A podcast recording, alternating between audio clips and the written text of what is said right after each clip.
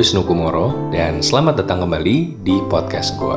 Ini adalah bedtime story, tempat untuk membuang cerita ala Wisnu Kumoro. Jadi di podcast ini gue akan membuang cerita itu adalah istilah gue untuk berbagi cerita yang mungkin ceritanya bukan cerita berkesan indah ya, tapi malah berkesan sedikit buruk mungkin kenangan-kenangan buruk yang pernah gue alami, memori-memori yang pengen gue buang, tapi mungkin berguna untuk orang lain dan bisa menjadi manfaat untuk orang yang mendengarkan. Jadi ini adalah tempat gue untuk mengajak teman-teman, ayo kita terapi bersama, mari kita buang cerita, lupakan jeleknya dan ambil pelajaran baiknya. Ini adalah bedtime story. Dan ini adalah episode ketiga, di mana jarak antara episode kedua dan ketiga menurut gue memang ya agak jauh dan gue mohon maaf sekali buat yang nungguin karena gue menerima banyak banget DM di Instagram, kemudian juga mention di Twitter juga ada beberapa dan email yang masuk ke podcast at wisnukumoro.com ini banyak banget. Gue mohon maaf karena ini agak lama pembuatan podcast yang ketiganya karena ya gue lagi sibuk, lagi banyak kegiatan, dan sekarang baru sempet untuk bikin podcastnya. Dan gue udah baca semua email yang masuk di podcast at wisnukumoro.com. Terima kasih banget buat yang udah kirimin uh, atau buang cerita kalian. Mulai dari tentang bully yang related sama cerita di episode sebelumnya. Jadi terima kasih banget buat yang udah buang cerita ke sini. Gue ngeliat banyak banget nih, uh, bisa dibilang adik-adik kali ya, karena masih sekolah, ada yang masih SMP ada yang di SMA atau SMK, kemudian ada yang kuliah juga. Ini kirim cerita kalau mereka banyak mengalami bully dari lingkungan mereka, baik verbal maupun juga ada yang fisik nih, gue baca. Dari sebagian besar cerita, gue senang sebenarnya mereka sudah tahu apa yang akan mereka lakukan. Mereka hanya membutuhkan dukungan moral lebih banyak, dan bahkan ada yang bertanya gimana caranya agar bisa menyemangati diri sendiri di saat orang lain mungkin tidak menyemangati kita. Hmm, karena ini adalah di Indonesia, dengan kultur Indonesia, gue tentu akan menyarankan hal-hal yang berbau agama dan juga sosial kepada kalian. Jadi, mungkin bisa mendekatkan diri kepada Tuhan, kemudian beribadah lebih rajin, dan menyemangati diri sendiri dengan cara tersebut. Kalau mungkin dorongan agama belum cukup ampuh untuk kalian termotivasi, kalian bisa dengan dukungan sosial dukungan sosialnya di sini maksud gue adalah mungkin lingkungan saat ini atau circle saat ini tidak membuat kalian semangat untuk bisa menjadi pribadi yang positif dan melawan bully tersebut. Jadi silahkan bikin circle baru atau lingkaran baru untuk kalian sehingga kalian bisa lebih semangat. Jadi silahkan temukan orang yang bisa dibilang menjadi sahabat penyemangat untuk kalian. Karena ingat, yang namanya sahabat itu adalah anggota keluarga yang bisa kalian pilih sendiri. Jadi silahkan tentukan sahabat kalian sendiri agar bisa jadi penyemangat untuk hidup kalian dan keputusan-keputusan yang kalian ambil. Dan gue juga menerima beberapa email ini isinya tentang orang-orang yang kecewa, terutama di tempat kerjanya gitu. Ada yang merasa diperlakukan tidak adil, merasa tertekan dengan pekerjaannya, kemudian ada yang bosnya rese, ada yang teman-teman kantornya rese gitu. Banyak banget yang cerita kayak gitu. Dan untuk bisa kembali dari kekecewaan, sebenarnya gue mungkin akan bikin topik khusus tentang itu someday.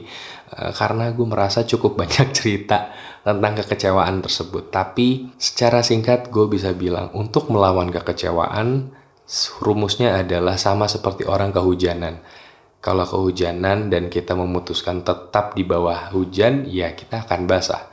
Jadi saran gue adalah just move gitu. Pindahlah, menepilah, meneduhlah. Jadi berteduhlah di tempat yang tidak ada air hujannya. Karena kalau kalian diem aja, kalian akan kebasahan. Begitupun dengan kekecewaan. Menurut gue, prinsip dasarnya adalah move on. Kadang sulit untuk move. Misalkan kecewa di tempat kerja, kita tidak bisa pindah kerja begitu saja Memang kita tidak bisa pindah begitu saja. Tapi kekuatan ada batasnya. Kalau kalian merasa kuat, lanjutkan. Tapi kalau kalian merasa tidak kuat, tidak ada salahnya untuk berhenti, kemudian bergeser, dan lanjutkan. Jadi bergeser saja tuh bisa memberikan banyak manfaat kok. Tidak harus pindah jauh, mungkin bergeser sedikit. Maksud gue di sini adalah mungkin kalian bisa meminta kepada kalau di kantor mungkin ya bisa minta ke HRD udah pindahin saya aja ke divisi yang lain. Yang penting saya lebih bahagia meskipun perubahan apa pun dalam hidup itu ada trade off-nya, ada opportunity cost-nya. Jadi ya gue memahami move itu tidak semudah itu. Jadi kalau kalian merasa kecewa, saran gue cuma satu, pindah. Kemudian juga gue menerima beberapa email yang isinya luar biasa panjang banget. Sampai ada yang uh, ngetes gue. Kalau gue baca, silahkan balas email ini dengan ketik ini. silahkan ketik ini gitu. Kalau pengen ceritanya dilanjutin. Sampai ada yang kayak gitu. Bahkan sampai ada yang bilang kalau dia adalah penggemar rahasia gue. Ah, apalah itulah ya. Tapi ada beberapa cerita juga yang menurut gue perlu mendapat perhatian lebih dari gue. Salah satunya adalah cerita tentang uh, keluarga yang menurut di email ini tidak harmonis. Ini cerita dikirimkan oleh orang yang tidak menuliskan namanya. Dia jadi pakai nama samaran dan pakai email yang juga mungkin email samaran. Jadi gue nggak tahu namanya siapa. Jadi dia di email ini dia bercerita kalau dia bersama dengan dua adiknya yang lebih muda. Ya tentu saja adiknya lebih muda. maksudnya adiknya masih sangat kecil, ini berada di sebuah keluarga yang ayah dan ibunya bisa dibilang sudah tidak saling mencintai tapi masih bersama di dalam sebuah pernikahan. Jadi sang ayah dan sang ibu ini sering sekali bertengkar bahkan dari saat anak-anaknya ini masih kecil. Dan juga dia bercerita kalau ayahnya ini sempat uh, suka dengan perempuan lain, ibunya juga sempat dengan, dengan lelaki lain. Jadi kayak masing-masing ini cintanya sudah hilang satu sama lain. Tapi mereka tetap bertahan di satu pernikahan karena menurut keluarga besarnya akan memalukan nama keluarga kalau mereka sampai berpisah. Si orang yang bercerita ke gue ini dia meminta bantuan saran dari gue apa yang harus dia lakukan apakah dia harus menyuarakan isi hatinya uh, tentang kondisi yang sangat-sangat tidak harmonis ini. Tapi di satu sisi juga dia khawatir dengan keadaan dua adiknya yang masih kecil, apakah akan terganggu jika dia bilang ke orang tuanya tentang ketidakharmonisan ini. Karena kalau orang tuanya sampai bercerai, mungkin adik-adiknya ini akan eh, terdampak. Dari pengalaman gue, gue bisa bilang gue gak pernah merasakan yang seperti ini. Uh, gue tidak pernah ada di kondisi seperti itu, jadi gue nggak memahami secara detail seperti apa rasanya. Gue hanya bisa mengira-ngira. Tapi kalau ditanya saran, gue mungkin dengan segala kesotoyan hidup gue, gue cuma akan bilang, suarakanlah isi hatimu, karena gimana pun hubungan orang tua dan anak itu pasti akan lebih kuat dibandingkan hubungan antara suami dan istri Orang tua dan anak itu seperti punya hubungan yang tidak akan pernah bisa diputus dengan apa pun. Jadi meskipun orang tua bercerai, anak dan orang tua itu tidak akan pernah lepas hubungannya. Tapi gue mengharapkan sebenarnya tidak ada perceraian. Gue mengharapkan adalah solusi terbaik di mana mereka akhirnya bisa kembali menemukan cinta mereka. Jadi saran gue cuma satu, bicara dengan mereka apa adanya, harapan lo apa, lo ceritain semua, Begitupun juga dengan kekhawatiran lo terhadap dua adik kecil lo itu. Lo ceritain semua ke mereka, apa adanya. Nah, menangislah kalau perlu, meraung-raung juga nggak apa-apa kalau memang itu diperlukan. Tapi yang jadi poin di sini adalah mereka benar-benar tahu apa yang lo harapin, apa yang lo rasain. Dan itu adalah beberapa email yang gue terima. Dan sekali lagi terima kasih untuk email-email yang masuk sejauh ini di podcast at wisnukumoro.com. Jadi buat teman-teman yang ingin melepas stresnya dan ingin membuang cerita, silahkan kirimkan ke podcast at wisnukumoro.com. Silahkan cerita mengenai hal apa pun, serahasia apa pun, terserah kalian. Tidak perlu menuliskan nama pun gak apa-apa tapi ingat kalian membuang cerita dan begitu sudah kalian buang, lupakan. Supaya kalian bisa merasa lega. Karena tujuan gue membuat podcast ini adalah supaya bisa lega. Membuang hal yang tidak berarti lagi untuk hidup kalian dan kalian move on setelah itu. Jadi ya, itu adalah harapan gue supaya kalian juga bisa merasakan experience itu. Dan sekarang mari kita masuk ke topik sesungguhnya dari episode ketiga kali ini gue mau ngambil tema jealousy atau kecemburuan. Atau mungkin bisa diserempetin dengan iri. Karena base-nya iri ya agak-agak mirip lah ya dengan cemburu. Mungkin iri itu kayak penggunaan katanya lebih diarahkan untuk hal-hal yang mungkin di luar romance, di luar romansa itu menggunakan kata iri. Tapi kalau berkaitan sama relationship biasanya pakai kata cemburu. Tapi kalau gue semuanya itu gue anggap sebagai jealousy kecemburuan.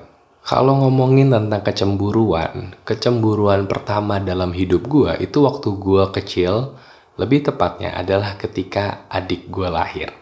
Jadi gue punya seorang adik perempuan yang luar biasa cantik. Dia berusia 4 tahun lebih muda dari gue dan sudah menikah dan punya anak satu saat ini dan hidup berbahagia dengan suaminya. Tapi waktu dia lahir, ketika dia bertumbuh uh, waktu masih balita gitu ya atau batita bahkan, itu gue sempat merasakan jealous.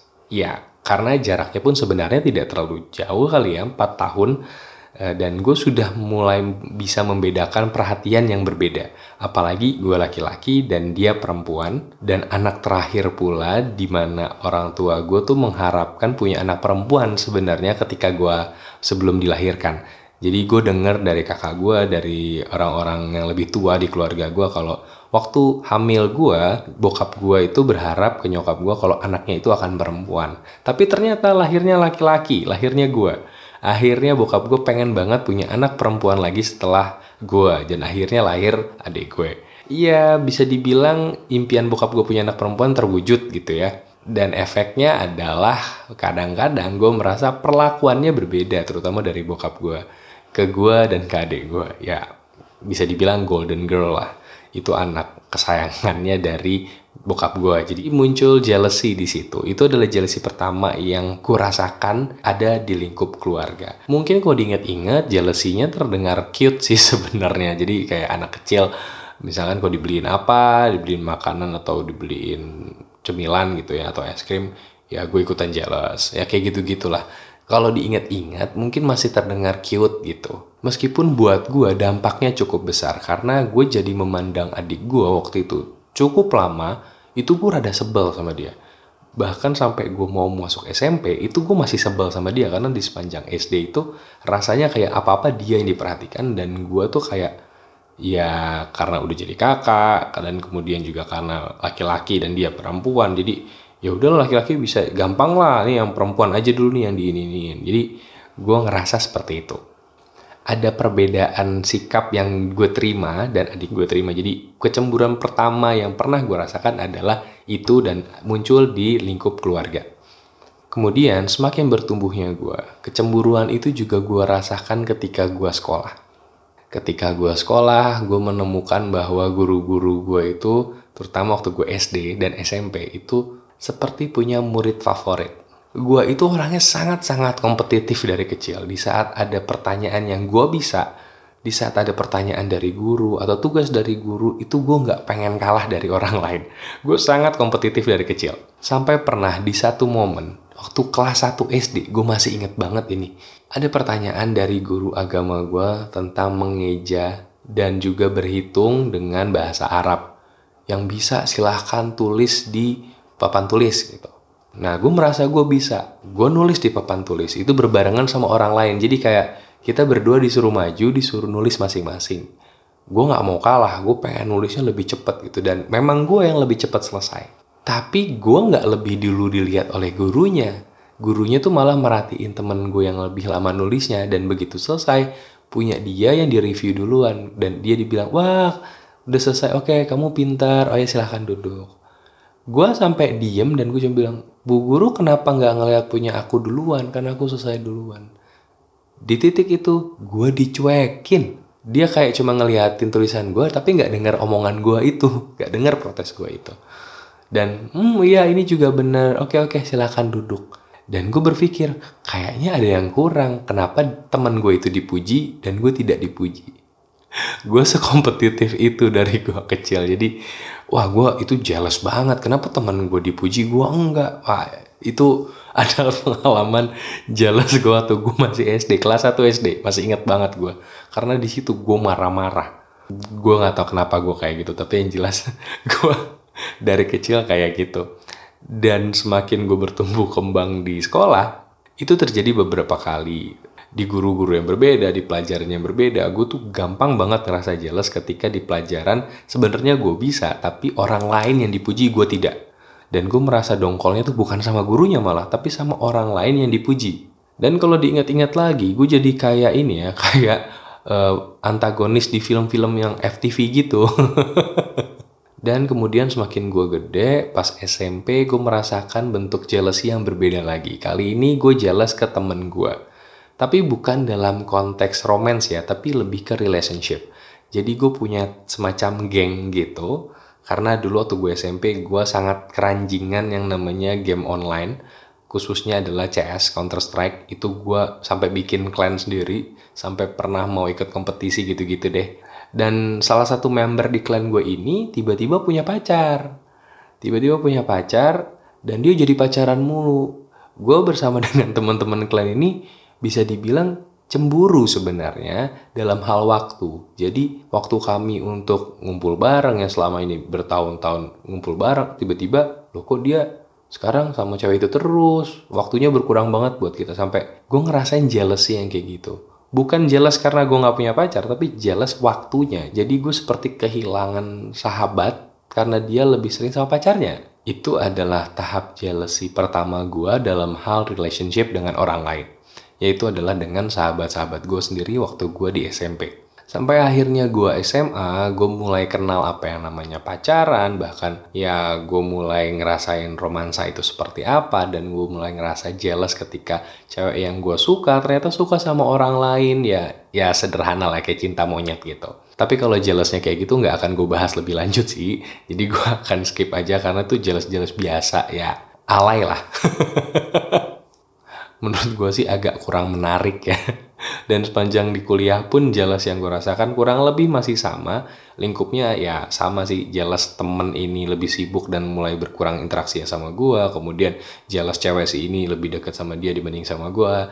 Sepanjang kuliah masih kayak gitu. Jadi dari SMA ke kuliah tipe jelas yang gue rasakan masih seperti itu.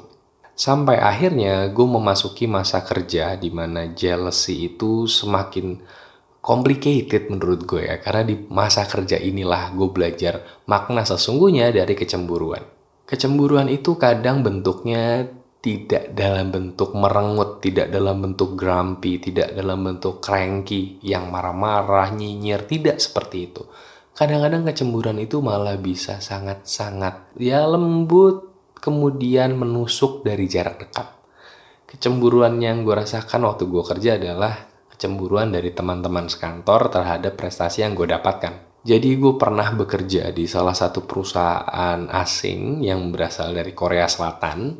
Ini ber, bergerak di bidang elektronik ya, mungkin kalian juga tahu beberapa yang mendengarkan. Jadi di sana kemudian gue jadi di sana gue bekerja baru beberapa bulan, tiba-tiba gue mendapatkan penghargaan untuk menjadi salah satu top karyawan lah itu di divisi gua top 3 gitu. Dan gue juga mendapatkan bonus bahkan di bulan keempat gue bekerja. Dan gue bingung banget kenapa gue bisa dapat menurut gue kinerja gue so far masih biasa-biasa aja tapi ternyata bos gue menilai sangat bagus. Di saat itu semua orang shock karena wow kok anak baru baru 4 bulan bisa dapat kayak gini. Karena memang awarding kayak gini dilakukan per tiga bulan. Satu bulan pertama gue tuh kayak gue di skip gitu karena baru satu bulan. Kemudian per tiga bulan berikutnya baru dievaluasi dan ternyata bagus. Awalnya ketika setelah hasil pengumuman itu semua orang tiba-tiba jadi nice banget ke gue. Semuanya jadi nice, semuanya jadi baik banget dan karena gue baru mengenal mereka ya gue juga meresponnya dengan sangat baik. Meskipun ada beberapa senior-senior tuh mulai memberikan warning kayak hati-hati sama orang ini, hati-hati sama si ini, hati-hati sama si ini. Uh, karena ternyata di balik itu katanya sih orangnya tidak seperti itu. Dan karena gue baru kenal jadi gue ya menganggapnya seperti angin lalu aja gitu. Karena gue nggak tahu juga. Tapi akhirnya gue merasakan kalau memang e, kecemburuan itu sebegitu dalamnya ya bisa membekas di orang. Ternyata kayaknya dia bete karena gue akhirnya bisa merebut. Ternyata tuh posisi yang gue ambil tuh posisi dia di quarter sebelumnya gitu. Jadi dia tidak masuk top 3 gara-gara gue masuk top 3 uh, gue tidak menyangka kalau dia segitu jealousnya sama gue karena hanya dalam waktu dua bulan berikutnya di saat mau evaluasi berikutnya gue tuh kayak di bener-bener di backstep kali ya. Hitungannya di backstep lah ketika lagi monthly meeting ketika lagi uh, pembuatan laporan itu bener-bener merasakan sekali pressure yang dia berikan secara mendadak aneh banget tiba-tiba berubah gitu. Dan gue ngerti banget kenapa dia melakukan itu ya tidak lain tidak bukan jealousy dan itu diperkuat dengan statement dari orang-orang lain yang mengetahui hal itu kalau memang orangnya seperti itu gue pertama kali merasakan bahwa oh jealousy itu awalnya bisa manis banget ya tapi ternyata bisa nusuk sedalam itu Dan pengalaman itu membuat gue jadi belajar untuk lebih berhati-hati sama orang lain. Untuk berhati-hati terhadap hubungan bekerja gue dengan orang lain. Akhirnya gue bisa membagi layer di mana ini adalah hubungan profesional, ini adalah hubungan personal. Secara personal mungkin dia orangnya baik. Di luar pekerjaan dia sangat-sangat nice. Tapi kalau sudah hubungan profesional mungkin bisa diberikan jarak atau ada uh, distant gitu ya, ada area safety-nya lah ya, supaya dia tidak bisa melakukan apa-apa terhadap saya di kemudian hari. Dan prinsip pengamanan kayak gini akhirnya gue terapkan terus-menerus di berbagai pekerjaan yang gue jalani, sampai akhirnya gue menjadi PNS pun gue tetap melakukan hal tersebut. Ketika menjadi PNS, yang namanya jealousy bisa dibilang itu adalah makanan sehari-hari gue. Karena di PNS gue waktu itu masih anak baru, tapi di CPNS-nya gue peringkat satu untuk angkatan gue, kloter gue ya, maksudnya untuk kloter gue di angkatan gue, gue peringkat satu untuk uh, prajab atau prajabatan CPNS-nya. Kemudian ketika menjadi PNS, gue dalam waktu singkat bisa masuk ke area yang bisa dibilang tanda kutip basah, banyak orang yang mungkin kaget dengan kehadiran gue yang sebegitu cepat bisa mengambil kepercayaan dari banyak orang dan banyak juga yang tidak suka dengan keadaan gue saat itu. Banyak yang menginginkan posisi gue pada saat itu. Sehingga kecemburuan tidak bisa dielakkan. Apalagi di PNS yang politiknya wah gila banget bisa dibilang. Mulai dari ngejatohin reputasi secara tidak langsung maupun secara langsung pada saat lagi rapat bersamaan dengan pimpinan. Itu gue udah ngalamin yang namanya nyinyiran super nyinyir ah, lambe turah nggak ada apa-apanya. Itu gue udah pernah ngalamin sampai gue berantem dengan orang yang bisa dibilang sebenarnya pimpinan gue sendiri jadi satu golongan di atas gue gitu. Gue sampai berantem literally berantem untung nggak tonjok-tonjokan sih tapi berantem secara verbal itu gue pernah. Dan itu semua tidak lain tidak bukan dasarnya bisa dipastikan adalah cemburu. Karena gue tahu ya gue merasa gue bersyukur sih gue dapet hal-hal yang mungkin enak selama ini. Uh, di PNS gue dapat posisi-posisi yang enak kan bisa bilang basah. Untuk sebagian orang itu dianggap enak tapi akhirnya gue tinggalkan posisi basah itu. Gue memutuskan untuk berdiri di posisi yang mungkin tidak terlalu basah tapi lebih solid maka dari itu gue resign PNS dan sekarang gue lebih nyaman menjadi bisa dibilang YouTuber atau konten kreator. Tapi apakah jelas-jelasan iri-irian itu berhenti? Gue bisa bilang tidak. Karena belum lama ini gue bikin video bareng salah satu sahabatku juga namanya Ibro Kumar bisa dicek ada di YouTube gue di mana gue di situ membuka rahasia uh, tentang menjadi youtuber gadget di Indonesia dan di video itu Ibro Kumar itu menyebutkan kalau di situ ada yang namanya iri-irian antara YouTuber. Dan gua melalui podcast ini pun mengamini hal itu. Ada hal tersebut. Apalagi gue mengalami sendiri hal ini karena gue menjadi target lagi-lagi. Dan kalau misalkan ada yang bilang, tapi kan iri atau jealous cemburu itu kan bisa dijadikan dasar untuk motivasi kita supaya bisa bekerja atau mencapai sesuatu yang lebih baik lagi. Jadi sebagai bahan bakar untuk motivasi. Gue akan jawab statement itu dengan pilihan bahan bakar untuk motivasi tidak cuma itu. Dasar untuk motivasi tidak cuma itu. Ibarat level ya. Kalau menurut gue, cemburu, iri, kalau dijadikan bahan bakar untuk motivasi, itu levelnya kayak ya kayu bakar. Dibilang panasnya nggak panas-panas amat, lebih panas aftur atau mungkin yang lainnya dibandingkan itu. Ada kok bahan bakar untuk motivasi yang lebih oke okay dibandingkan iri, dengki, cemburu itu banyak banget. Contohnya adalah keinginan untuk membantu orang. Itu bisa jadi motivasi. Keinginan untuk membahagiakan keluarga itu bisa jadi motivasi. Bahkan prinsip se selfish atau seegois gue butuh uang itu bisa menjadi dasar motivasi juga. Dan itu menurut gue masih lebih positif dibandingkan iri dengki dan juga cemburu. Jadi sebenarnya gue agak bingung sama orang-orang yang menjadikan hal-hal itu sebagai dasar motivasi. Karena dasar motivasi itu bisa banyak. Kenapa harus pilih yang jelek? Kenapa nggak pilih yang bagus? Karena biar motivasinya bisa lebih bagus supaya tujuannya bisa lebih bagus. Jadi apa yang dilakukan bisa lebih bagus gue yakin deh sebagian besar dari kita tuh percaya apa yang dimulai dari niat yang bagus itu akan mencapai hasil yang bagus dengan cara yang bagus. Kalau dari niatnya itu didasari oleh hal yang menurut gue kurang bagus, disayangkan aja mau sebagus apa pun hasilnya, sebagus apa pun caranya. Tapi ya tetap dasarnya menurut gue kurang bagus. Kenapa nggak dibikin lebih sempurna dengan memilih dasar yang juga bagus? Dan poin lain adalah sebenarnya jelas itu tidak perlu dieliminasi secara total. Kita tetap perlu kok cemburu itu Cemburu itu untuk membuat hidup kita jadi lebih berwarna. Karena cemburu itu bisa memunculkan hal-hal yang selama ini mungkin tidak terpikirkan oleh kita. Jadi cemburu itu juga perlu ada, tapi perlu dikelola. Gimana cara mengelolanya? Kalau menurut gue, Wisnu Kumoro, mengelolanya adalah dengan cara ya menerapkan kalau ada hal-hal yang diterapkan sebagai kompetisi, ada hal-hal yang tidak diterapkan sebagai kompetisi.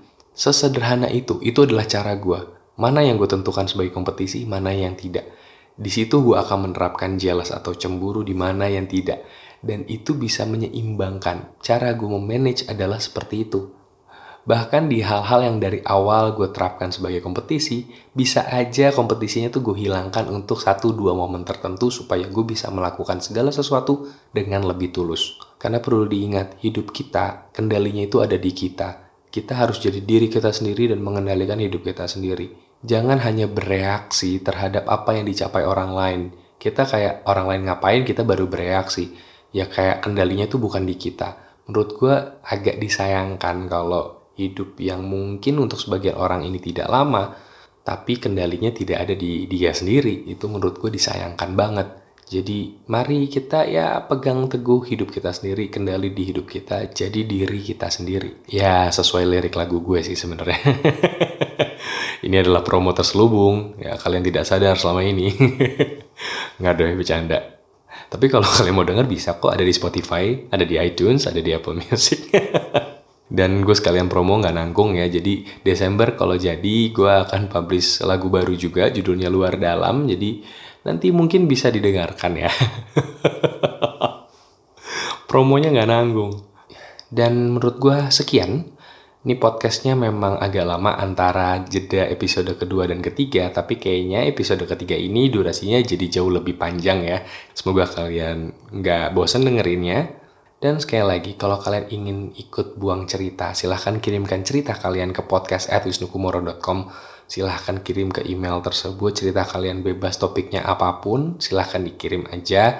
Gue akan baca dan Eh, cerita-cerita yang menurut gue perlu disampaikan agar bisa menjadi pelajaran bagi orang lain akan gue sampaikan di podcast berikutnya.